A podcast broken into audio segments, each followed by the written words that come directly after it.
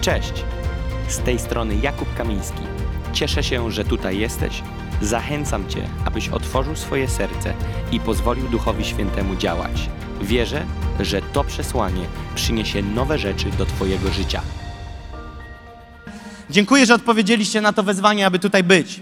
Wierzę, że nie moje wezwanie, bo cóż to jest wezwanie człowieka, ale wie- wierzę, że odpowiedzieliście na wezwanie Boże, aby być dzisiaj w tym miejscu. Słuchajcie, jest to niezwykły czas i, i kiedy modliłem się, a naprawdę modliłem się o ten czas, możecie mi wierzyć, cały rok. Przez cały ten rok 2021, praktycznie już od października 2020, kiedy kończyło się wydarzenie zeszłoroczne, ja już otworzyłem sobie nowy folder notatki This is our time 2021 i spisywałem tam przez cały rok do dzisiaj, do tej nocy włącznie, rzeczy, które Duch Święty mi kładł na serce. Im bliżej tego czasu, tym bardziej Duch Święty przygotowywał, przygotowywał przesłanie. Wiecie, ktoś, kto mnie zna i mnie słucha, to słyszał kilka razy, że powiedziałem ze swoich ust słowa o tym, że w różny sposób Duch Święty prowadzi mówców, którzy usługują na naszych konferencjach. W różny sposób Duch Święty mnie prowadzi, kiedy przygotowuję się do spotkań. Wiecie, że wielokrotnie zdarzało się tak, że podczas ostatniej pieśni jeszcze nie wiedziałem, o czym będę głosił.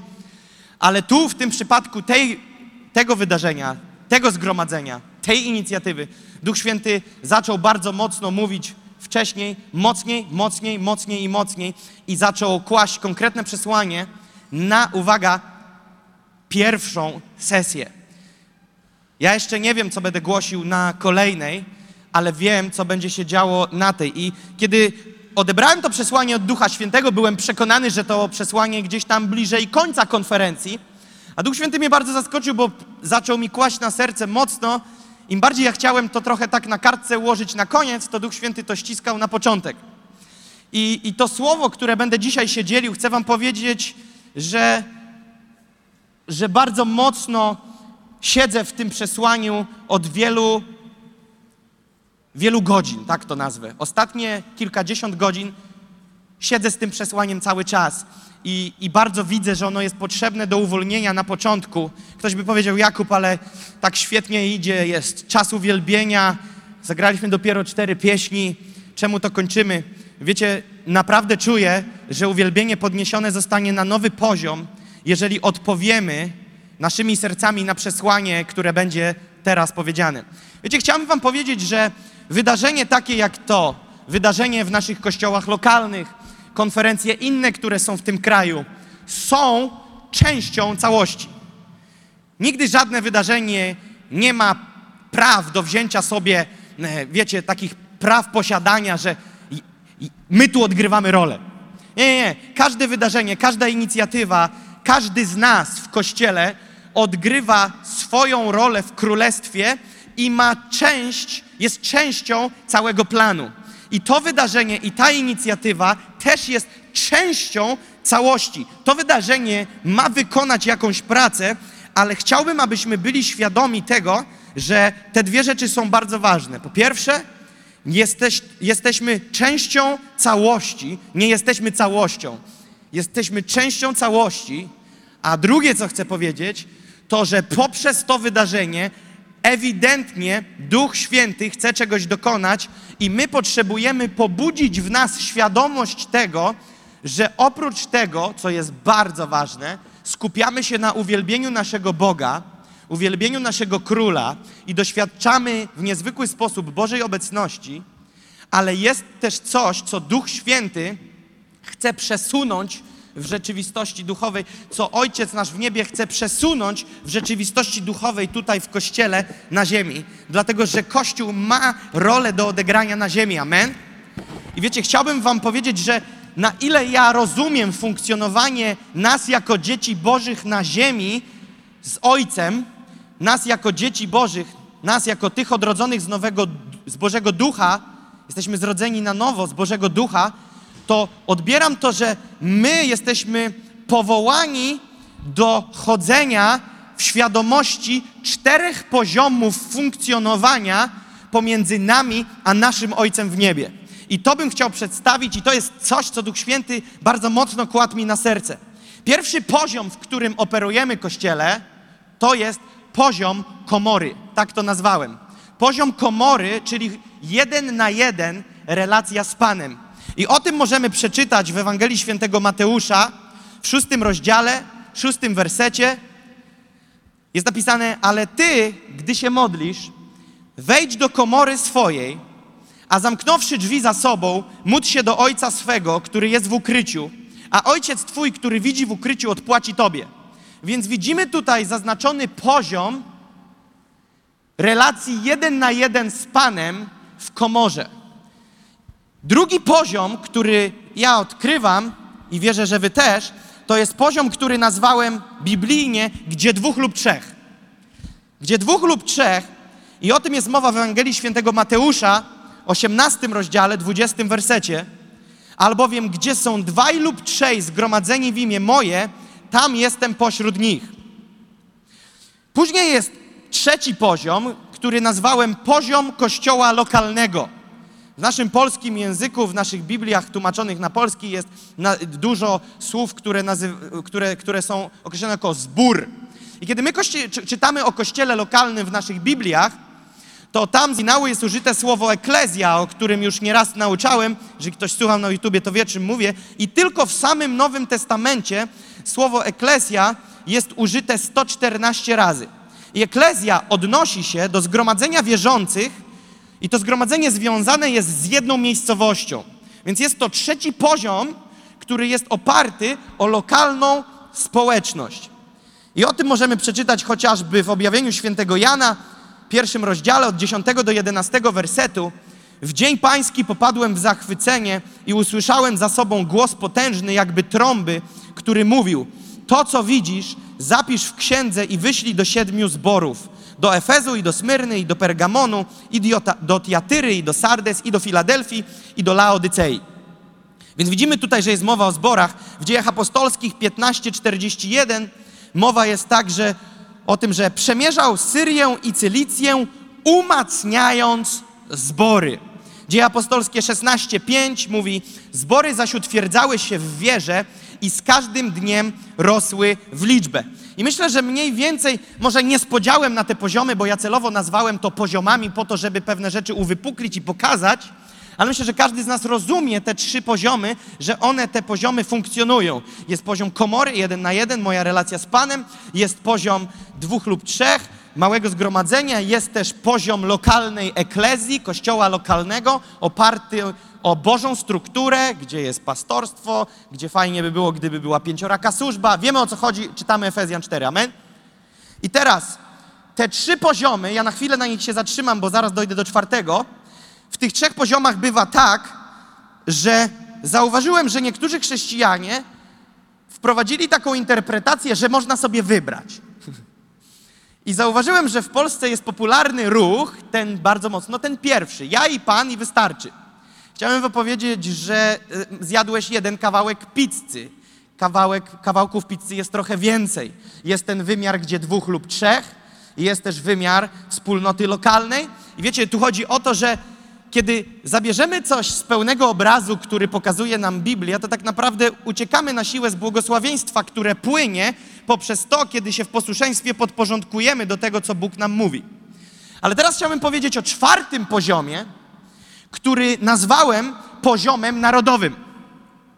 Wiecie, jest poziom jeden na jeden, jest poziom dwóch lub trzech, jest poziom kościoła lokalnego, ale ja odkrywam, że jest też coś takiego jak zgromadzenie na poziomie narodowym, gdzie się cały naród zgromadza w imię Pana.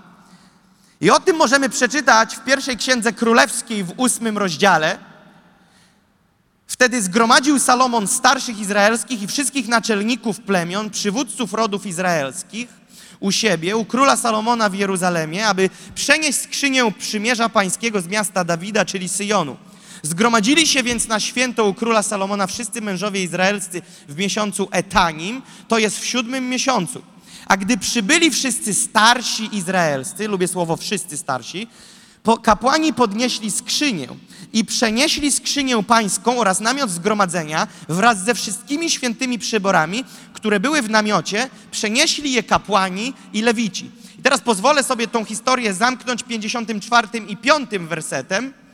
A gdy Salomon dokończył wszystkich swoich modlitw do Pana i wszystkich tych błagalnych próśb, powstał ze swojego miejsca przed ołtarzem Pana, gdzie klęczał na kolanach z rękami wzniesionymi ku niebu. A wstawszy, pobłogosławił całe zgromadzenie izraelskie. Teraz posłuchajcie. Ktoś by powiedział, no dobrze, ale skąd wiesz, że ile ich tam było, skąd oni przyszli, jak to wyglądało? Chcę wam powiedzieć niespodziankę. To było otwarcie świątyni, ok? To był bardzo ważny moment, to, to był bardzo mocny moment, to był bardzo kluczowy moment dla Izraela. Teraz posłuchajcie. Samych tylko pracowników przy budowie świątyni było 30 tysięcy. Więc uważam, że na otwarciu robotnicy to byli w jednym z rzędów. Rozumiecie? To było ogromne zgromadzenie. Jest mowa o całym Izraelu, który się zszedł na tą sprawę. Wiecie, to nie było tak, że oni mieszkali na czterech metrach kwadratowych, jeden chłop gwiznął w palce i wszyscy powiedzieli, a, to wezwanie narodowe, idziemy. Nie, nie. To była gruba sprawa. To były ogromne, ogromne tłumy ludzi. Samych 30 tysięcy było tylko pracowników przy budowie tej świątyni. Ja wierzę, że pracownicy mieli pierwsze rzędy i gold opaski na, na, na, na konferencji, ale naprawdę mówiąc, to ja myślę, że tam był ogromny, ogromny, ogromny tłum. I teraz drugie miejsce w Biblii, w którym chcę pokazać zgromadzenie narodowe, to jest druga księga Mojżeszowa, 19 rozdział, 10 i 11 werset. I rzekł Pan do Mojżesza: Idź do ludu i nakaż im, by przygotowali się na święto dziś i jutro i wyprali swoje szaty, by byli gotowi na trzeci dzień, gdyż trzeciego dnia stąpi Pan na oczach całego ludu na górę Synaj. I teraz ja bym chciał Wam powiedzieć, że w tym wersecie i w tym fragmencie nie ma napisanego, ile było tam ludzi, ale siedem, siedem rozdziałów wcześniej, w dwunastym rozdziale drugiej księgi Mojżeszowej, w 37 wersecie jest napisana liczba, w jakiej oni byli, siedem rozdziałów wcześniej. Synowie izraelscy wyruszyli z Ramzes do Sukot w liczbie około 600 tysięcy mężów pieszych, oprócz dzieci. I siedem rozdziałów później jest napisane, że cały lud zgromadził się na wspólne zgromadzenie. Wiecie, 600 tysięcy to jest o 300 razy więcej niż teraz na tej sali. Wiem, że nie możecie sobie tego wyobrazić. Ale nie licząc dzieci. 600 tysięcy, my tu mamy około 2000 osób. Teraz pomyślcie o zgromadzeniu nie 300 osób większym, tylko 300 razy większym. To jest jakiś kosmos dla mnie. Więc przez to chcę powiedzieć, że mamy w Biblii jasno do, możemy sobie wyciągnąć na tapetę te cztery poziomy funkcjonowania z Panem. I powiem Wam, że tak naprawdę to odbieram, że bogactwo jest w każdym z tych poziomów. Bogactwo jest w każdym z tych poziomów. Zabierz któryś z nich, no to tak jakbym miał, no nie jakbym, tylko mam dwie nogi, dwie ręce i teraz a, wy, wyeliminujemy jedno z nich. Jestem leworęczny, więc ta prawa chyba w sumie przełożymy do lewej i będzie z bani. No nie. Bóg nas tak stworzył, abyśmy mieli równowagę. Bóg dał nam tak ciało, skonstruował, abyśmy mieli równowagę. I Bóg dał nam takie modele, taki schemat funkcjonowania pomiędzy nami a Nim, kiedy się spotykamy tutaj na ziemi i chcemy mieć z Nim relacje, że On dał nam sposoby, w jaki możemy się wspólnie spotykać jako Kościół, tak, aby mieć w tym wszystkim równowagę. Zauważyliście, że ludzie, którzy pomijają któreś z tych elementów, mają zawsze, masz wrażenie, że tracą równowagę, zachowują się, jakby nie było w nich równowagi. Przykład. Zabierz człowiekowi relację jeden na jeden z Panem i zostaw mu tylko zgromadzenia. On będzie krzyczał na uwielbieniu, że Bóg jest wielki, a po zgromadzeniu będzie jechał do psychologa na te jakieś porady. Ale teraz zabierz człowiekowi wspólnotę i relację wspólną i schowaj go tylko do komory, to on dojdzie do takich wniosków w swoich objawieniach, że głowa mała. Więc rozumiecie, potrzebny jest balans. I słyszałem wielokrotnie podczas tej inicjatywy, kiedy się zaczynała rok temu, kiedy przygotowaliśmy się dwa lata temu, przygotowywaliśmy się dwa lata temu do tej inicjatywy rok temu i teraz podczas przygotowań do tej inicjatywy, ludzie mówili często, Ale ja, kiedy zapraszałem ich, niekiedy personalnie, niektórych mm, publicznie, otrzymywałem często taki feedback, taką zwrotną informację, ale, ale mi to jest niepotrzebne, ja mam, ja mam swo, swoją wspólnotę i ja mam swój czas z Panem. A ja mówię, halleluja, ja Cię nie proszę, żebyś Ty ich porzucił. Ja Ci tylko mówię, żebyś na weekend mógł dołączyć do narodowego zgromadzenia i abyśmy mogli wspólnie jako Kościół wydobyć się ze swoich podwórek i pozwolić sobie, aby takie przedsięwzięcie jak to mogło nas przewietrzyć. Wiecie, to nie jest tak, że ja jestem fanem wielkości i postanowiłem sobie wynająć Global Expo i zrobić wielką imprezę. Powiedziałem w swoim życiu 17 września 2015 roku, kiedy oddałem swoje życie Jezusowi, że ja nie robię tego, co mi się podoba. Oczywiście, moje ciało będzie mi zawsze mówić i moje stare nawyki, żeby robić to, co po staremu, ale podjąłem decyzję, że będę chciał wydawać wojnę swoim starym nawykom i będę chciał robić i realizować tylko to, do czego Bóg mnie powoła. I chcę wam powiedzieć, że ta inicjatywa This is Our Time jest zrodzona z Bożego serca. Ja jestem tylko narzędziem, które pewne rzeczy inicjuje, ale to nie jest moja koncepcja. Sorry. Amen? I teraz, po co ja to mówię? To jeszcze nie jest przesłanie, kochani, to jest dopiero wstęp. Dzisiaj mamy tutaj zgromadzenie narodowe, a powiedziałbym nawet, że międzynarodowe. Zapisałem sobie, że mamy tutaj zgromadzenie prawie dwóch tysięcy dzieci bożych z przeróżnych miast, ale i narodowości. I teraz chciałbym wam powiedzieć, jakie narodowości są dzisiaj tutaj na sali. Nie online, ale na sali. Na sali, słuchajcie, ciężko uwierzyć, jest z nami Polska,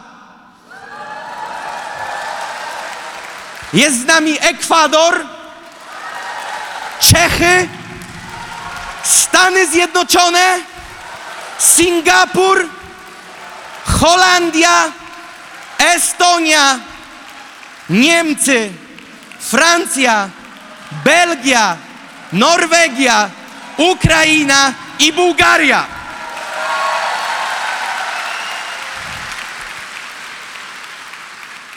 Natomiast online są z nami Australia, Grecja, Anglia, Islandia i nie starczy sesji, abym miał dalej wymieniać. Więc witamy wszystkich online. I teraz Was zaskoczę, bo jest coś, co nie jest codziennością, przynajmniej w naszym kraju. Dzisiaj tutaj są setki kościołów lokalnych. Rozumiecie o co chodzi? Nie wszystkie kościoły lokalne w 100% są na tym wydarzeniu, ale każdy z Was reprezentuje jakąś wspólnotę lokalną. Ale wśród tych setek kościołów lokalnych, które są tutaj dzisiaj, jest 50 kościołów reprezentowanych przez pastorstwo na tym miejscu. Mamy 50 pastorów z żonami lub bez, to zależy od sytuacji życiowej, którzy są dzisiaj z nami. I chcę Wam powiedzieć, że dla mnie, jeżeli. Po co ja tym mówię? Ja, ja, ja nie mówiłem tego, żebyście byli brawo, ale miło było, że byliście. Ale wiecie, po co ja to mówię? Żeby pokazać, że to wydarzenie urosło do pewnej rangi. I teraz, kiedy wydarzenie ma taką rangę, to my musimy zrozumieć kilka rzeczy. Po pierwsze, że Jezus nadal jest w centrum. Jezus nadal jest w centrum, Królestwo Boże jest w centrum i rozwój, a także rozprzestrzeniania się Królestwa Bożego musi być dla nas przyświecać cały czas. Nie możemy stracić obrazu całości, tak jak powiedziałem, nie możemy się zafiksować, my, nasze wydarzenie, 2-3 października, zeżarliśmy Europę chrześcijańską. Nie! Jezus jest królem i my się tu zgromadzamy jako Boże Królestwo. Ale teraz bardzo ważne jest, żeby zrozumieć drugą rzecz, że jeżeli zgromadzenie jest takie, jakie jest, na takim poziomie, na jakim jest, mówię tu o poziomie duchowym i o ilości ludzi reprezentujących różne kościoły, różne denominacje, różne kraje, to chcę Wam powiedzieć, że Bóg nie przechodzi obojętnie obok takiego spotkania i chce zdetonować konkretną jednostkę słowa na tą godzinę i na ten czas. Przypowieściach Salomona 25:11 jest napisane: Słowo wypowiedziane we właściwym czasie jest jak złote jabłko na srebrnych czaszach.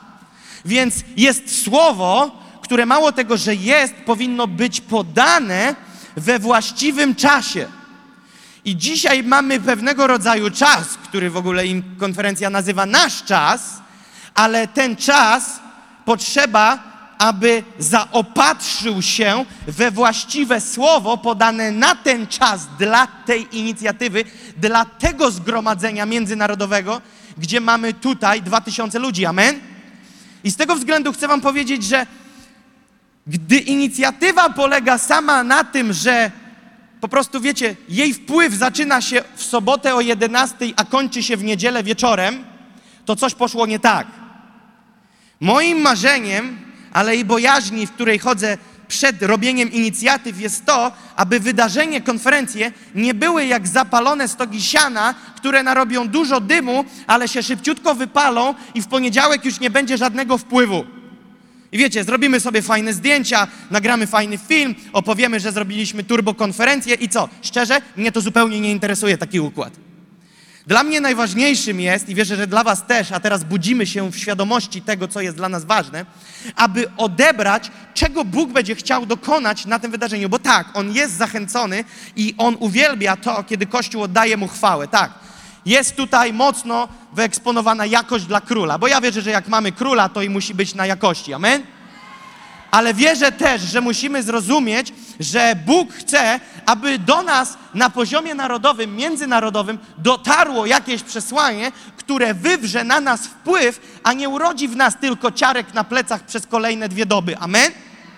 I wiecie, kiedy sobie myślę o tej całości, bo tak jak powiedziałem, jesteśmy częścią całości, to kiedy myślę o zgromadzeniu narodowym, a w sumie mogę powiedzieć na zgromadzeniu kontynentalnym, no bo wymieniłem tutaj kilkanaście krajów, które są z nami dzisiaj tutaj, to chcę wam powiedzieć, że, że, że, że patrząc na całość, ja, tak lubię, wiecie, od, zdystansować się w modlitwie i powiedzieć, Boże, bo mi klapy na oczach rosną, weź mnie z dystansu, żebym ja widział całość.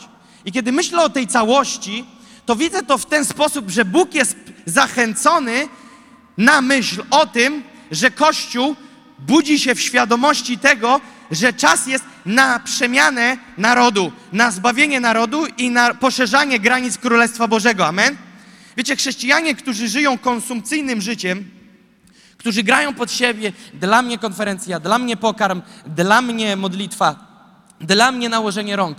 I, I, ja chcę, ja chcę. To jest dobrze, że my chcemy się ładować, ale jeżeli zamkniemy się na siebie, to zapomnimy tak naprawdę o najważniejszym zadaniu, które zostało powierzane dla Kościoła, a mianowicie to, aby być światłem dla tego zgubionego świata i nieść światło Boże do tej ciemności, która ogarnęła ten świat. Amen? I teraz pomyślcie sobie o tym. Otwórzcie swoje umysły, otwórzcie swoje serca i spróbujcie o tym pomyśleć. Teraz zobaczcie. Mówimy o tym przebudzeniu, mówimy o tym, że miliony zbawione, mówimy o tym, że Europa, nawiedzenie pańskie, ale zrozummy jedną rzecz, że w tym wszystkim w parze nieodłącznym będzie aspekt ewangelizacji. Musimy to zrozumieć. Przebudzenie bez pobudzenia ewangelizacji tak naprawdę nie wiem, czy do końca jest przebudzeniem. Jeżeli kościół wybucha, to lawa wystrzeliwuje na zewnątrz. Jeżeli Kościół wybucha, to powie, my już mamy to, czego potrzebujemy, teraz jest czas pójść do tego zgubionego świata, amen? Ale teraz pomyślcie dalej. Mówimy o tym, że przemieniony naród, przemienione narody, więc ktoś im głosi Ewangelię, więc my. No ale dobra, chyba my nie mamy tylko głosić Ewangelii, mamy czynić ich uczniami, prawda? Kiedy będziemy czynić ich uczniami, to oni później powinni zakotwiczyć się na poziomie trzecim kościoła lokalnego, prawda? bo chrześcijaństwo bez zakotwiczenia się o wspólnotę lokalną według mnie się nie spina. No ale może ktoś mi to kiedyś wytłumaczy. Ja póki co wierzę, że chrześcijaństwo opiera się o relacje z Bogiem jeden na jeden, ale i bycie częścią wspólnoty lokalnej, bo w kupie raźnie, amen? Co tu dużo filozofować. W kupie raźnie. I teraz, jeżeli tak się sprawa ma, to pomyślmy o tym. Jeżeli Kościół będzie nieprzemieniony, jeżeli Kościół nie będzie oczyszczony, i teraz posłuchajcie, kiedy ja mówię o oczyszczeniu, to w ogóle, ale to w ogóle, nawet na paznokieć, nie dotykam sprawy zbawienia. Żeby to było jasne. Zbawienie jest z łaski, za darmo, z Boży to dar, nie z nas, aby się nikt nie chlubił. Amen? Temat zbawienia jest zamknięty. Amen? Zbawienie jest z łaski. Ale teraz rozmawiamy o tym, że Kościół powinien błyszczeć. Kościół powinien żyć w uświęceniu. Kościół powinien żyć, być solą tej ziemi, amen? Zobaczcie, w Ewangelii Mateusza jest napisane w piątym rozdziale, od 13 do 15 wersetu jest napisane tak. Wy jesteście solą ziemi, jeśli tedy sól zwietrzeje, czymże ją nasolą? Na nic więcej już się nie przyda, tylko aby była precz wyrzucona i przez ludzi podeptana. Wy jesteście światłością świata, nie może się ukryć miasto położone na górze. Nie zapalają też świecy i nie stawiają jej pod korcem, lecz na świeczniku i świeci wszystkim, którzy są w domu. Więc zobaczcie, Kościół został przyrównany do soli, soli ziemi. Ciekawe porównanie, dlaczego sól? Czemu nie pieprz? Czemu sól? Wiecie, wrócę ponownie do tego, co mówiłem, zanim przeczytałem te wersety. Teraz pomyślcie sobie, masy się nawrócą, miliony przyjdą do Pana, potrzebujemy czynić, czynić ich uczniami, chcesz czy nie, możesz być sol, solowym ewangelistą, głosić na ulicach, rób to dalej. Ale jeżeli ci ludzie nie wejdą na drogę uczniostwa, to to będzie jak noc pełna przyjemności, zrobienie dziecka, spłodzenie dziecka i wyrzeknięcie się praw rodzicielskich i powiedzenie, dla mnie temat przyjemności był najważniejszy, a wychowywanie to już nic. Ja trochę do tego porównuję głoszenie ludziom, którym zbijasz piątkę i mówisz, no to teraz pędź przez życie. Widzę potrzebę, żeby ludzie zakotwiczyli się w lokalnej społeczności. I teraz, po co ja to mówię? Bo jeżeli Kościół uwierzy w to, co powiedział Piotr do chromego przed wejściem do świątyni, Piotr powiedział: To, co mam, to ci dam. Ale Piotr też był świadomy nie tylko tego, co miał, ale był świadomy tego, czego nie miał. I teraz Piotr, przez to, co powiedział chromemu przed świątynią, mówi do nas: Hej, kościele, temu zgubionemu światu dasz tylko tyle, ile masz. Biblia mówi o postępowaniu na miarę wiary. Widzieliście kiedyś ludzi, którzy postępują ponad miarę wiary?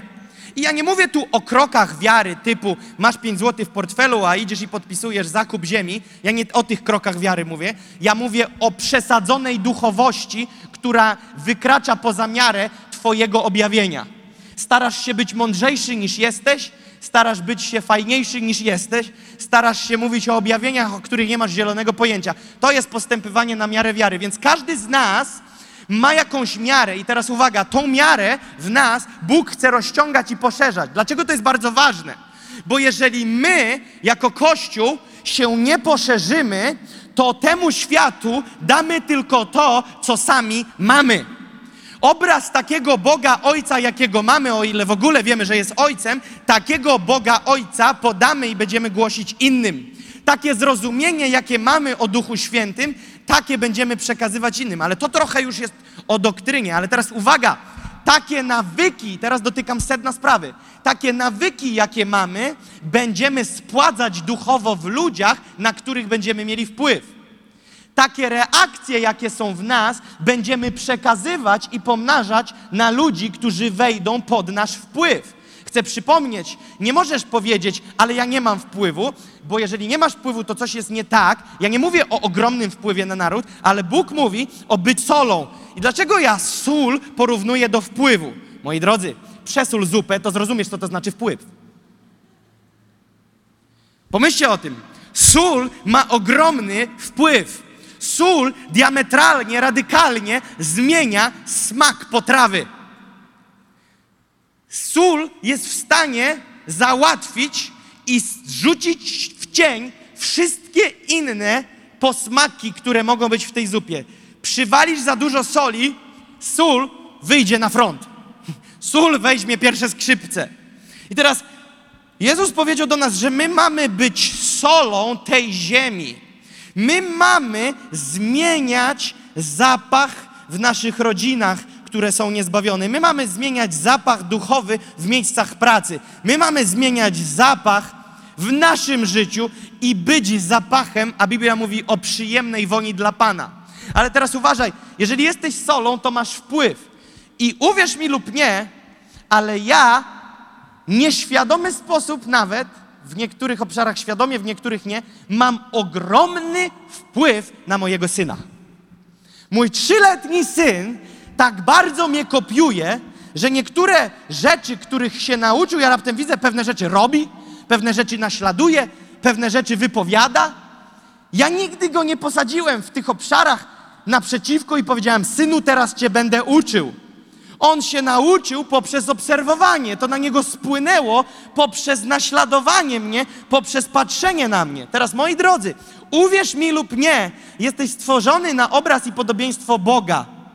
I my mamy być solą tej ziemi. W rzeczywistości duchowej, uwierz lub nie, wydajesz jakieś świadectwo i uwalniasz jakiś wpływ. Nie musisz dostać mikrofonu, aby mieć wpływ. Nie musisz dostać kazalnicy, aby mieć wpływ. Nie musisz mieć gitary, aby mieć wpływ. Uwierz mi, swoją postawą masz wpływ. Podam wam najgłupszy przykład. Gdyby osoby wprowadzające was na salę lub na rejestracji były smutne, zamulone, nie chciało im się żyć, to z jakim entuzjazmem wy byście przekroczyli bramę tego budynku? Wiecie, przy jeden na bramie was przywitał, drugi na drzwiach, trzeci pytasz, to tu? Tak, to tam. I ty byś co stację dostawał takie gongi i później byś musiał wpaść do jakiegoś pokoju reanimacji i cię wskrzesili, bo ci zabili oczekiwania. Uwierz mi, masz wpływ. I my musimy zrozumieć, teraz wracam do sedna sprawy, o którym mówiłem, nawyki, które mamy, to jak wierzymy, to jak się ma u nas sprawa z poddaniem, to jak się ma u nas sprawa z pokorą, to jak się ma u nas sprawa z uniżeniem, będzie uwolnione w rzeczywistości duchowej, czy ty o tym będziesz mówił, czy nie.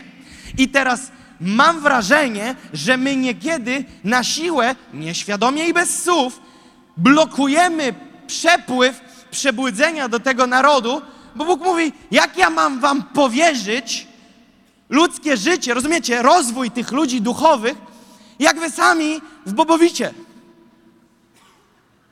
Wiecie, co to bobowita? To takie dla dzieci kaszki, które kupujesz, jak jeszcze nie umieją gryźć, tylko ciapkasz je. I Paweł o tym mówił, o mleku. On do nich przyjeżdża i mówi, ile o was, ile o was można mówić tym mlekiem? Czas na jakiś potężniejszy pokarm. I teraz, co jest tym mlekiem? Po czym poznać, że my jesteśmy w etapie mleka lub mięsa? Słuchajcie, po 10 latach chrześcijaństwa my powinniśmy być terminatorami w duchu. Po 10 latach my powinniśmy być, wiecie, rz- rzucam taką już szaloną datę, dekadę. Kochani, chcę wam powiedzieć, w czasach ostatecznych, gdzie Duch Święty chce wzmóc swoje działanie i używać Kościoła, powiem wam tak, 10 lat, nie masz już żadnego usprawiedliwienia. I teraz pokażę wam niezdrową drugą część tej huśtawki. Dziesięcioletni wierzący, z którym trzeba się wiecznie użerać, z którym trzeba wiecznie walczyć, z którym trzeba wiecznie się bić i który nie przynosi żadnej chluby dla królestwa, ale wchodzi w walki międzykościelne. Czy to nie jest smutne? I teraz chcę wam coś powiedzieć, na chwilę przecinek, nadawanie Ducha Świętego się kończy, na chwilę powiem jedno zdanie od Jakuba. Jest mi niełatwo do was o tym mówić, bo na takiej konferencji to by się chciało, wiecie, powiedzieć, Pan jest wielki, krzyknijmy głośnie Jezus, zaśpiewajmy 75 pieśni i łatwiej by mi było takiego słowa nie mówić. Ale muszę być posłuszny i mówić słowo, które jest mówione. Więc nie myślcie, że Jakub, Jakuba porąbało i od pierwszej sesji chce nas pozabijać. Nie, nie, nie, nic z tych rzeczy. Ja wierzę, że to przesłanie dlatego jest na początek, bo Bóg chce coś przesunąć w nas na dzień dobry od pierwszej sesji. I teraz, słuchajcie, powołanie do niesienia zmian. Ja wierzę, że Bóg nas używa na tyle, na ile my Mu się poddajemy. Wiecie, to nie jest tak, że ty się poddajesz, że się modlisz, że jesteś uniżony, ukorzony, a Bóg po prostu mówi, a nie, rudych nie lubię. Bo nawet jakbyś takie coś usłyszał, to byś miał prawo powiedzieć, ale to Boże, to zmieniłeś gusta, bo Dawid był rudy. Więc rozumiecie? Więc teraz trzeba się zastanowić nad tym, że my, na ile jesteśmy poddani, na tyle będziemy użyci. I teraz posłuchajcie tej tajemnicy. Użyty nie będziesz dlatego, że chcesz być użyty. Użyty nie będziesz dlatego, że modlisz się, abyś był użyty. Użyty nie będziesz dlatego, że mówisz, Panie, poślij mnie słowami z księgi proroczej. Nie. Używany będziesz wprost proporcjonalnie do poddania się. A poddanie się jest operfumowane ze wszystkich stron pokorą. To nie jest tak, że ty powiesz, dobra panie, to ja się poddaję. Poddanie się nie musi na siebie zwracać uwagi. Poddanie się jest automatycznie zauważone przez Pana. O poddaniu nie trzeba krzyczeć. To może być pewnego rodzaju proklamacja, która też jest ważna. Ale tu nie trzeba krzyczeć, Panie, poddaję się, bo chcę przypomnieć, że Biblia mówi o tym, że Bóg nie patrzy na to, co patrzą ludzie na zewnątrz, ale patrzy na serca. I teraz wiecie, są dwa rodzaje serc: pokorne i mięsiste, i twarde z kamienia. I nikt z nas nie chce mieć twardego serca z kamienia. Wszyscy chcą mieć miękkie, mięciutkie, mięsiste serce, ale chcę Ci coś powiedzieć. Do poziomu mięsistego serca to nie jest tak, że Ty się modlisz, nie, wycin, nie wytnijcie z kontekstu. Panie, daj mi mięsiste serce, a mówi, no dobra, w końcu poprosiłeś, to Ci dam. Od jutra będziesz pokorny. Nie, pokora i wyjście naprzeciw wszystkiemu, co związane z pokorą, jest decyzją, która będzie automatycznym, automatycznym zaproszeniem szlifierki do Twojego życia. Im bardziej chcesz być uniżony, pokorny, tym bardziej musisz powiedzieć: Ja i szlifierka będziemy jedno. Ja i szlifierunia będziemy tak blisko, że normalnie przyjmę taki kształt, jak ta szlifierka będzie chciała. Wiecie, kiedy mówisz do Boga, Boże, zmień mnie, jak myślisz, co tam się będzie działo? Kiedy mówisz, Boże, przemień mnie, zgadnij, co się będzie działo. Ogrodnik, który przycina, garncarz, który lepi. Rozumiesz, to nie będzie tak, że on na ciebie dmuchnie i o, teraz ta grzywka ładniej wygląda, już jesteś przemieniony. Wiecie, za każdym razem, kiedy Bóg chciał przygotować kogoś do posługi, do działania, uwaga teraz, do wejścia w miejsce swojego przeznaczenia, zawsze aktywował tryb szlifiery.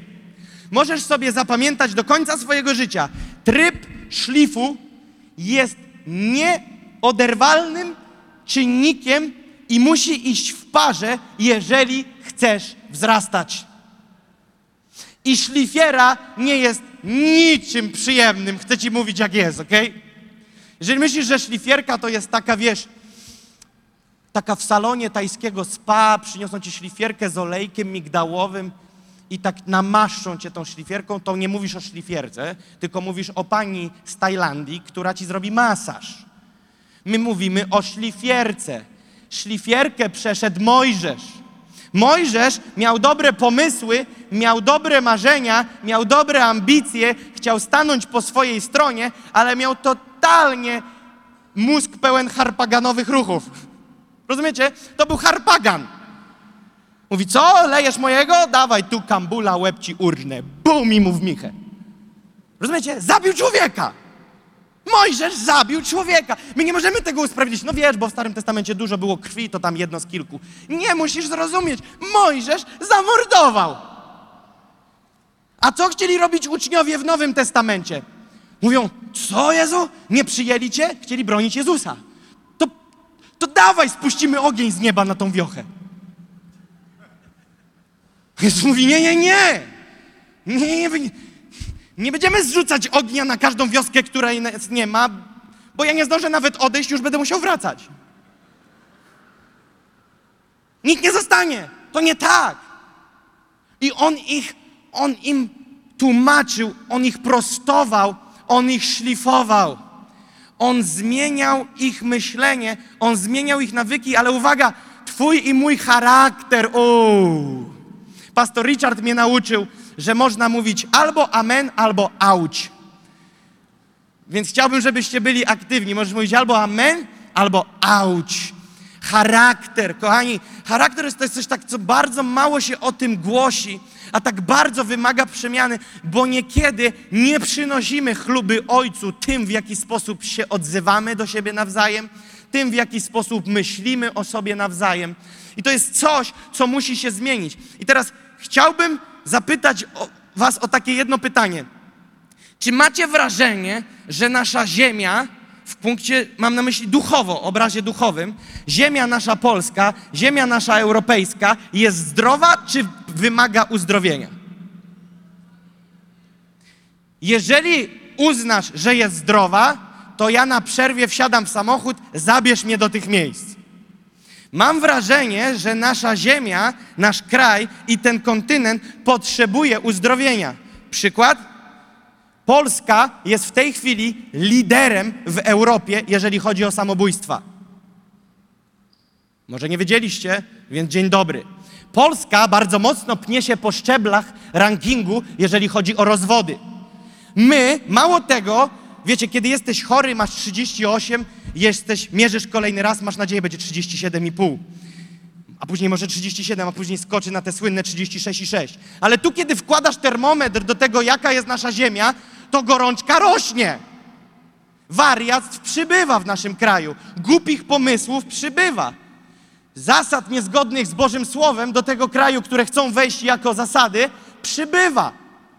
Nasza ziemia nie jest zdrowa, nasza ziemia potrzebuje uzdrowienia i mało tego, tych recept z dnia na dzień przybywa, których potrzeba. I teraz w Księdze Kronik drugiej, 7,14 jest słynny werset, który mówi i ukorzy się mój lud, który jest nazwany moim imieniem i będą się modlić i szukać mojego oblicza i odwrócą się od swoich złych dróg, to ja wysłucham z niebios i odpuszczę ich grzechy i ich ziemię uzdrowię. Uwaga, temat zbawienia jest zamknięty. Mówiliśmy o tym? Amen. My tu mówimy teraz o aspekcie uzdrowienia ziemi. W Nowym Testamencie jest też pewnego rodzaju kontynuacja tego, bo ta historia o soli, która ma być solą ziemi, to my mamy być tą solą, która przynosi poprzez Bożego Ducha w nas uzdrowienie do tego kraju, uzdrowienie do tego kontynentu. Łapiecie? Jesteście ze mną? I teraz zobaczcie, co Bóg mówi. Ukorzy się mój lud, będą się modlić, szukać mojego oblicza, odwrócą się. Bóg chce totalnej przemiany. Bóg chce totalnej przemiany, żebyśmy się odwrócili od tego, w jaki sposób funkcjonowaliśmy, abyśmy się ukorzyli. Wiodącym tematem w życiu Izraela, który dla mnie jest lekcją nowotestamentowego Kościoła, było wiecznie problem z ukorzeniem się i uniżeniem. Oni wiecznie podnosili karki, a później bem Amalekici. A Izrael mówi, nie, wstanę, bem Filistyńczycy, bęk Amonici. I twarda ręka musiała nad nimi być, bo to były bardzo mocno twarde, skostniałe, zabetonowane karki. I wieczny problem, jaki był w Izraelu, to ukorzenie się. I kiedy chodzili ukorzeni, kiedy chodzili w pokorze, kiedy chodzili w uniżeniu, zawsze były profity na każdym szczeblu. Co było w Egipcie? Miska, miska ryzu, ryżu i bat na plecy. Co było w ziemi obiecanej? Miód i mleko. Winogrona jak moja głowa. Rozumiecie? Dostatek, bogactwo. Ale nie mówię tu tylko, że ilość PLN-ów lub euro w naszym portfelu mówi, że jest dobrze lub niedobrze, ale mówię, że jest moment, kiedy jest nasza ziemia uzdrowiona. Mam wrażenie, że kiedy mówimy o rosnących rozwodach, rosnących samobójstwach, byciu liderem w Europie, to jest wstyd, to nie jest zdrowie. Teraz uwaga, nie zamierzam obwiniać złego systemu, zamierzam obwinić siebie i Kościół za to, że zamiast być solą tej ziemi i zmieniać tą sytuację, my pozwalamy, aby ona się pogarszała. My nie powinniśmy patrzeć na statystyki i mówić, o zobacz jak źle, jedziemy do Anglii. Nie mam nic przeciwko wyjazdowi do Anglii, ale nie możemy uciekać z tonącego pokładu. Powinniśmy wziąć sprawy w swoje ręce i powiedzieć: Come on, jest robota do zrobienia. Europa tonie. Muzułmanie powiedzieli ciekawą rzecz. Ktoś tam ich zapytał kiedyś, jak zamierzacie zdobyć Europę, kiedy zaczynacie wybijanie wszystkim. Powiedział: W ogóle nie zaczynamy. 30 parę lat wyliczone mamy i sami znikną. Europa przestaje być chrześcijańskim kontynentem. To jest skandal. Jeżeli popatrzycie, nie musicie mi wierzyć, wygooglujcie to na przerwie. Programy są o tym na, na poważnych kanałach, znanych na całym świecie. Jest taki program przez bardzo znanego prowadzącego pewną telewizję. Nagrał program, w którym powiedział: Europa nie jest już więcej chrześcijańskim kontynentem. Była i przestała. I teraz statystyki biją nieubłagalnie źle w naszą stronę. Bardzo źle. My musimy się na nowo nasolić, bo chyba zwietrzeliśmy. Musimy na nowo jako sól zacząć być naprawdę solą, a nie gdybać, że jestem słony. I teraz to, co przyniesie nas do tego miejsca zasolenia, to jest to, co Duch Święty mi powiedział wyraźnie o czym mówić. Uniżenie, ukorzenie, pokora i pokuta. To jest to, pod co dzisiaj potrzebujemy się poddać. Druga księga Kronik 7:14 czytam jeszcze raz. Ukorzy się mój lud, który jest nazwany moim imieniem. Wiecie, że w Nowym Testamencie jest napisane, że jesteśmy rodem wybranym, królestwem kapłańskim i tak dalej, tak? Kojarzycie to. Jesteśmy nazwani Jego imieniem. I jeżeli się ukorzymy, będziemy się modlić, szukać Jego oblicza, odwrócimy się od swoich złych klimatów, to ja wierzę, że będziemy wtedy naprawdę zasoleni. Że będziemy chodzić w tym uświęconym systemie życia. Nie wprowadzam tu żadnego legalizmu, nie wprowadzam tu żadnego zapędu ze Starego Testamentu. Mówię tylko, że usprawiedliwianie się tym, że Jezus zapłacił za mnie cenę, ja już jestem przemieniony, to nieźle zasiedziałeś się w tej komorze, o czym mówiłem wcześniej, i nie poddałeś tego objawienia pod weryfikację. Bo Paweł w 12:2 do Rzymian pisał: Przemieńcie się przez odnowienie umysłu, abyście mogli zrozumieć, co jest dobre, miłe, doskonałe, co jest wolą Bożą. On pisał do kościoła, więc kościół się tak zagalopował, że nie wiedział, co jest dobre, co jest miłe, co jest doskonałe i co jest wolą Bożą. I my czasami tak bardzo się w ten bubble, bańkę, takiej fikcyjnej rzeczywistości wpakowaliśmy, że myślimy, że wszystko gra, ale nie gra. Ten kraj to nie. Europa to nie. I my musimy się w tym odnaleźć i się ogarnąć. I teraz wiecie, mówimy o przynoszeniu tutaj uwielbienia dla Pana. Tak, to jest ważne, ale wiecie, że jest rodzaj uwielbienia, na który Bóg ma zamknięte uszy, jest rodzaj modlitw, których Bóg nie słucha, i jest rodzaj ofiar, na które Bóg zamyka oczy? I o tym jest napisane w księdze Izajasza w pierwszym rozdziale. Od 11 do 16 wersetu jest napisane: Co mi po mnóstwie waszych krwawych ofiar, mówi Pan, jestem syty całopaleń, baranów i tłuszczu, karmnych cieląt, a krwi byków i jagniąt i kozłów nie pragnę. Gdy przychodzicie, aby zjawić się przed moim obliczem, któż tego żądał od was, abyście wydeptywali moje dziedzińce? Nie składajcie już ofiary daremnej, Kadzenie, nowie i sabaty mi obrzydły. Zwoływanie uroczystych zebrań, nie mogę ścierpieć waszych świąt i uroczystości. Waszych nowiów i świąt nienawidzi moja dusza. Stały mi się ciężarem, zmęczyłem się znosząc je. A gdy wyciągniecie swoje ręce, zakrywam moje oczy przed wami, choćbyście pomnożyli wasze modlitwy, nie wysłucham was, bo na waszych rękach pełno krwi. Obmyjcie się, oczyście się, usuńcie, usuńcie wasze złe uczynki sprzed moich oczu, przestańcie źle czynić. Ja cię kręcę, to mnie wstrząsa, że jest wymiar modlitw. Pamiętajcie, nie mówię tutaj, żeby ktoś nie. Będę to odbijał cały czas, bo czuję, że się wkrada. Nie mówię tu o akceptacji Bożej, bo w Nowym Przymierzu mamy to zapewnione. Nie mówię tu o tym, że miłość Ojca jest od nas odwrócona, bo się zachowujemy nie tak, jak powinniśmy. Nie, ja nie o tym mówię. Ale ja mówię o aspekcie cały czas Kościoła w użyciu. Kościoła w gotowości. My potrzebujemy zrozumieć i ja to widzę i Duch Święty mi to naprawdę pokazał. Bóg jest mi świadkiem, że ja nie gadam głupot teraz, bo to ładnie brzmi na konferencji. Duch mi pokazał, że jest wymiar podniesionych rąk, na które Bóg ma obrzydzenie.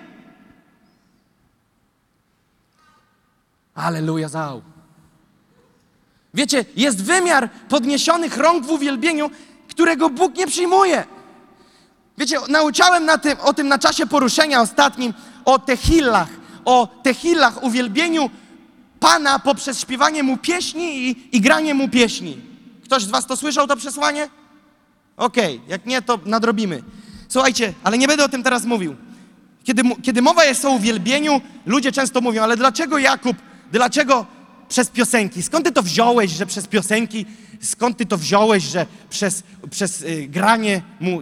Dlaczego? Przecież Biblia mówi, że Bóg szuka prawdziwych czcicieli, którzy oddawali mu cześć w duchu i w prawdzie. Jak ty to powiązałeś z graniem na gitarce, yy, stawianiem ekranów i śpiewaniem piosenek? No bardzo prosto, bo w Biblii, jeżeli mówisz o uwielbieniu, to w oryginale jest użyte słowo tehillah, które odpowiada za 70% rodzajów uwielbień. I tehillah jest sposobem oddawania mu chwały poprzez śpiewanie mu pieśni i granie mu pieśni. Więc teraz wiecie, możemy się tu zejść, działać w obszarze tehillach, śpiewać mu pieśni, podnosić nasze dłonie, ale mamy pochowane pod dywanem dużo smrodów i myślimy, że nasze podniesione ręce to przykrywają. I mówimy, Panie, użyj mnie, moja wiara jest pobudzona. A Bóg mówi, ukosz się, oczyść się. Oczyść się, oczyść się. Nie mówię w kontekście aktacji, krew Jezusa nas oczyszcza, ale podejmij decyzję, że chcesz żyć innym systemem życia. I teraz mówię, Boże, okej, o jakich Ty rzeczach mówisz, z jakich my mamy się wyciąć? I wtedy Duch Święty zaczął mi dyktować. Wypisałem wszystkie rzeczy, które w modlitwie odebrałem, z którymi musimy sobie poradzić. Chcecie, możecie sobie zapisać, nie chcecie, to możecie o nich zapomnieć, ale wy, wy- wybrałbym tą pierwszą. Pierwsza sprawa, z którą wierzę, Bóg chce się rozprawić w kościele w Europie, to cynizm. Cynizm. Druga, zawodnictwo. Trzecie, zazdrość. Czwarte, niezależność. Piąte, pycha. Szóste, osądzanie. Siódme, szukanie własnej racji. Ósme, szukanie uznania, co się wiąże z postawą roszczeniową. Kolejne dziewiąte, szydercza mowa w kontekście ludzi w służbie oraz innych kościołów. Dziesiąte, krytyka. Jedenaste, wywyższanie się poprzez krytykę. Dwanaście, obojętność. 13. Brak zaangażowania się. 14. Oczernianie. To chce Bóg, abyśmy wyciągnęli z naszych zakamarków i szufladek na pierwszej sesji i przynieśli Mu to na kolanach pod przód i z tego pokutowali. Dziś Duch Święty rzuca nam wyzwanie. Dziś Duch Święty rzuca nam wyzwanie, czy jako naród, czy jako zgromadzenie międzynarodowe odpowiemy na to słowo, czy udamy, że to nie do nas i podniesiemy nasze dłonie. Musimy dzisiaj zadać sobie pytanie, czy ja w tym mam uczestniczyć? Czy te wezwanie do pokuty jest do mnie? Chcę Wam powiedzieć, chcę tu stanąć pierwszy. Chcę tu stanąć pierwszy, bo nie chcę szukać własnych racji, nie chcę szukać uznania, nie chcę żyć w postawie roszczeniowej, nie chcę szukać uznania mojej woli, nie chcę szukać tych, na których mogę się plecach wybić poprzez krytykę ich. Nie chcę widzieć innych błędów po to, aby powiedzieć, haha, i znowu czapa. Nie chcę innych porażek traktować jak mojego zwycięstwa. Chcę być czysty. Chcę płakać, kiedy jakiś pastor płacze i chcę umieć się z nim cieszyć, kiedy ma jakieś zwycięstwo, z którego ja nie mam żadnych profitów. Tego nam potrzeba w kościele. Tego nam potrzeba.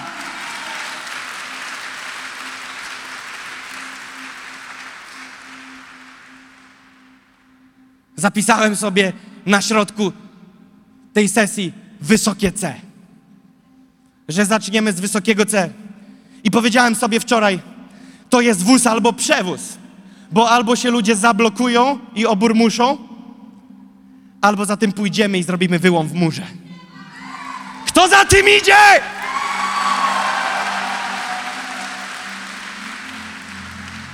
Jest czas, aby się Kościół oczyścił.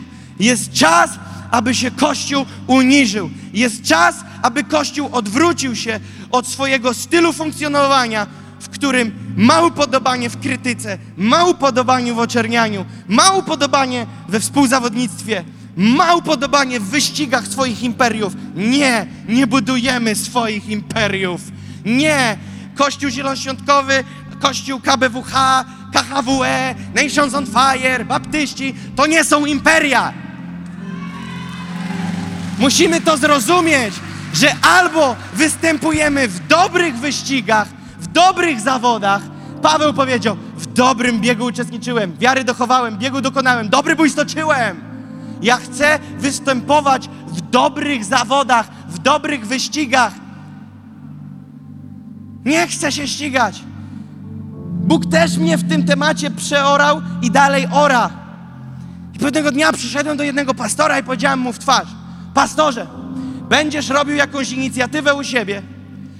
Proszę cię, powiedz mi kiedy. Ja nie chcę tam głosić. Przyjadę, chcę siedzieć w pierwszym rzędzie albo w ostatnim, w którym mnie posadzisz. Chcę was wesprzeć, będąc tam. Nie musisz mnie zapraszać na kazalnicę. Jeżeli będę miał możliwość, chcę przyjechać, chcę tam stanąć, bo musimy nauczyć się wspierać siebie nawzajem.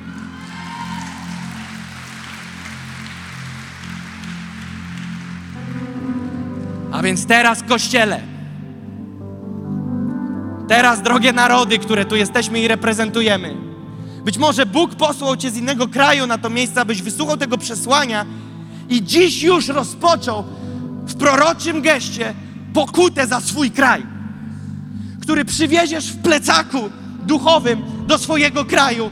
I Bóg mówi: Jesteś naładowanym ładunkiem, zdetonuję Cię na obszarze, w którym Cię powołałem. A więc teraz jest czas, aby zadecydować, kto chce wyjść tu do przodu. Drzwi są otwarte.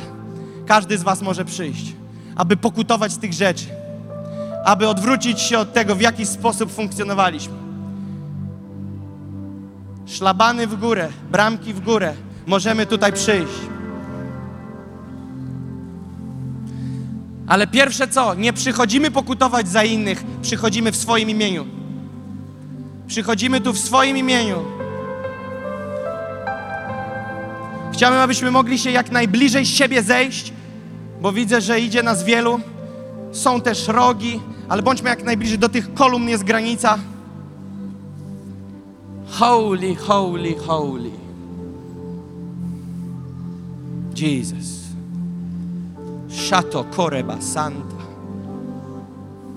Święty moment. Święty moment. Takie momenty są historyczne. Przychodząc tu mówisz, nie szukam już swego. Stając tu z przodu teraz i wychodząc ze swojego miejsca mówisz, nie szukam swego. Nie szukam swojej woli, nie szukam swojej racji, nie szukam uznania. Więc Panie, przynosimy Ci ten pakiet, z którego chcemy się wyciąć. Przynosimy Ci cynizm, zawodnictwo, zazdrość, niezależność, pychę, osądzanie, szukanie własnej racji, szukanie uznania, szydercza mowa w kontekście ludzi w służbach i innych kościołów, krytyka, wywyższanie się poprzez krytykę, obojętność, brak zaangażowania się, oczernianie. Panie, przynosimy to dzisiaj pod Twój krzyż. Chcemy się dzisiaj z tego wypisać. To jest czas, abyś użył swoich słów teraz i abyśmy zaczęli się modlić swoimi słowami. Ja będę prowadził, ale wy możecie dołączyć. Tu chodzi o szczerą, pełną serca pokutę, kiedy wylewamy swoje serca i nie chcemy już żyć jak wcześniej. Nie chcemy myśleć jak wcześniej. Panie, korzymy się przed Tobą i prosimy, wybacz nam. Wybacz nam, Panie, stan i kondycję Kościoła w Polsce i w Europie, Panie. Wybacz nam stan i kondycję i temperaturę Kościoła, a także stan zasolenia Kościoła, Panie. My chcemy dzisiaj pokutować, ale powołujemy się na Twoją świętą krew, Jezu. Na krew baranka, bo tylko w niej jest nasze schronienie, bo tylko w niej jest nasze uświęcenie. Tylko w Twojej krwi, Jezu, my możemy wyprać nasze szaty w krwi baranka, jak mówi słowo. Dlatego dzisiaj, Panie, korzymy się jako Kościół w tym kraju, Panie. Jest tu wielu pastorów, wielu starszych, wielu reprezentantów zborów, Panie. Są tu Twoje dzieci. Dziś mówimy temu koniec w imieniu Jezusa. Dzisiaj mówimy koniec podziałom Kościele w imieniu Jezusa. My wydajemy temu wojnę pełną miłości. My wydajemy temu wojnę pełną radykalnego podejścia, ale wzajemnie ścigając się w miłości, Panie. Nie chcemy sobie dokuczać, nie chcemy się oczerniać, nie chcemy być pyszni. Panie, złam naszą pychę!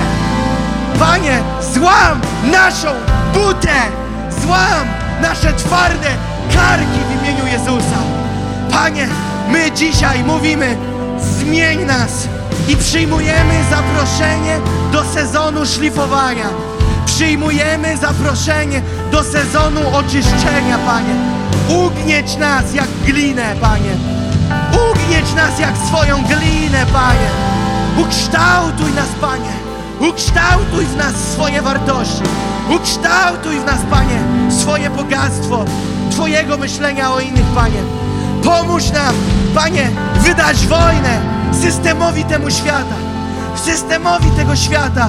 My nie chcemy myśleć oko za oko, ząb za ząb. My nie chcemy myśleć oko za oko, ząb za ząb. My mówimy, walną nam w lewy policzek, nadstawimy prawy. Uderzą nas w prawy, nadstawimy lewy. Nie będziemy szukać własnej sprawiedliwości. Nie będziemy szukać sprawiedliwości tego świata. Ale dzisiaj, Panie, mówimy słowa, które powiedziałeś Ty, Jezu. Nie przyszliśmy, aby nam służono, ale przyszliśmy, aby służyć!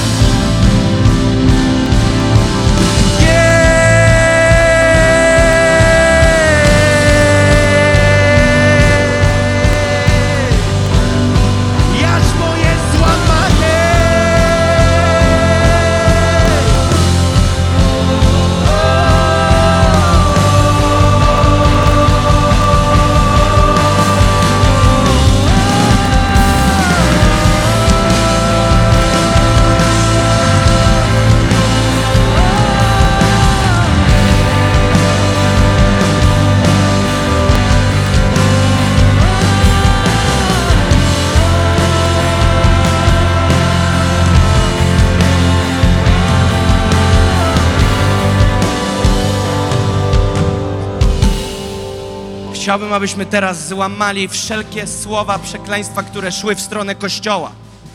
Później pomodlimy się o złamanie wszelkich złych słów, które szły w stronę przywództwa w Polsce.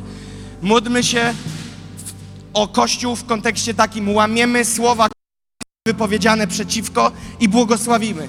A później zrobimy to samo z przywództwem w tym kraju. Złamiemy moc wypowiadanych słów i będziemy błogosławić. Zacznijmy od Kościoła.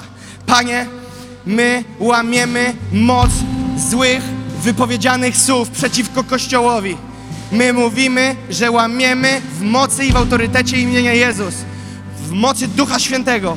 Łamiemy moc złych słów wypowiedzianych przeciwko Kościołowi.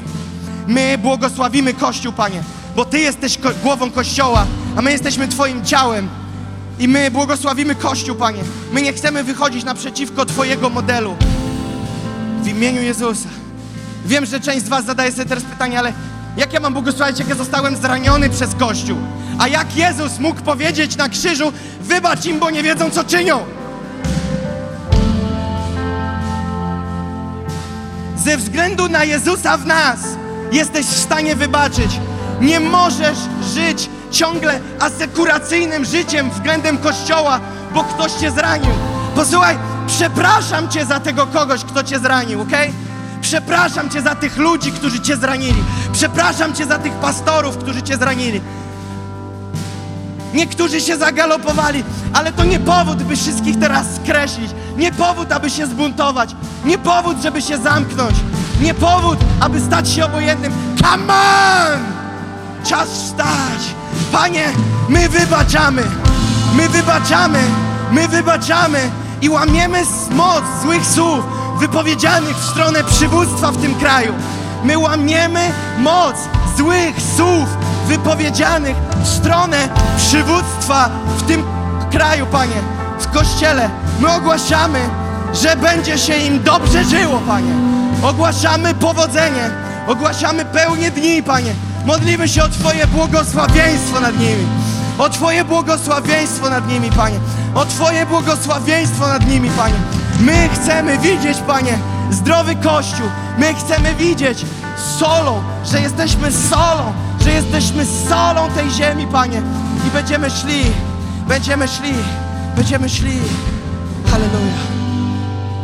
A teraz, wiesz, to jest tak, że kiedy, kiedy pokutujesz, to się kielich przechyla. Kiedy pokutujesz, to się kielich nad tobą przechyla, nad twoją głową, bo, bo kielich przechyla się tylko nad uniżoną głową, rozumiesz? Kielich przechyla się i przelewa się tylko, kiedy jesteśmy w uniżeniu. I teraz jesteśmy w postawie uniżenia. I wcale nie chodzi o naszą sylwetkę fizyczną, aczkolwiek ona jest pewnego rodzaju ekspresją, ale mówię teraz o naszej postawie naszego serca. Więc jest czas teraz, abyś wyciągnął swoje dłonie, jakbyś chciał przyjąć to, co wyleje się z kielicha, spod tronu. Panie, tchnij w nas na nowo. Tchnij w nas, Panie. Mówimy o żywcze tchnienie, które dotyka naszej wiary, dotyka naszej nadziei. O żywcze tchnienie, które dotyka naszego zranionego umysłu i naszych emocji. Duchu Święty, Ty teraz posyłasz ożywcze tchnienie. Ożywcze tchnienie tam, gdzie coś zostało zastygnięte, tam, gdzie coś się zatrzymało, Ty dzisiaj to poruszasz na nowo, Panie. Ty dzisiaj to poruszasz na nowo, Panie. Ty budzisz dzisiaj swój lud. Ty budzisz dzisiaj swój lud. I Ty przynosisz świeży olej namaszczenia. Świeży olej namaszczenia. Niebo jest otwarte. Niebo jest otwarte. Holy. Holy. Świeże. Świeże. Panie. Trzeźwe serca. Orzeźwione serca Twoim powiewem, Panie. Ty odpowiadasz na modlitwę skruszonego serca, Panie. Ogłaszamy, że przychodzi wolność teraz. Ogłaszamy, że przychodzi wolność od tego jarzma. Wolność od jarzma. Pójdźmy za tym, co Duch Święty robi. Po prostu idźmy za Nim. Duchu Święty, my przyjmujemy wolność od tego jarzma zranienia. Wolność od tego jarzma cynizmu. Wolność od tego. Powiedz, ja wypluwam to ze swojego życia. Ja odwracam się od tego. Jeżeli chcesz zrobić jakiś gest, strząchnij to z siebie rękoma, przytupnij nogami, cokolwiek, co ci pomoże, ale przede wszystkim zrozum, to jest twoje serce. Ty podejmujesz dzisiaj decyzję i teraz chcę ci coś powiedzieć. Duch Święty cię teraz w tym umacnia. Nie robisz tego własną siłą, ok? To jest czad, że nie robisz tego własną siłą. On cię teraz umacnia. Powiedz, Panie, sam z własnej siły nie dam rady ale Ty mnie umacniasz. Ty mi wybaczyłeś. I ja dzisiaj mam możliwość wybaczyć. Ja mam możliwość dzisiaj zostawić to z tyłu. W Twoim duchu, Panie. W Twojej sile. W Twojej mocy. Panie, zapal mnie dzisiaj na nowo. Zapal mnie dzisiaj na nowo. I niech moje uniesione dłonie będą dla Ciebie przyjemną pieśnią. Niech słowa, które wychodzą z moich ust, niech będą dla Ciebie przyjemnym obrazem. Jesteś święty. Modlę się, aby to przesłanie zaprowadziło Cię do zwycięskiego życia z Jezusem. Zajrzyj na moje media społecznościowe, gdzie możesz dowiedzieć się więcej o służbie Nations on Fire lub wesprzeć nas finansowo. Pozostajmy w kontakcie.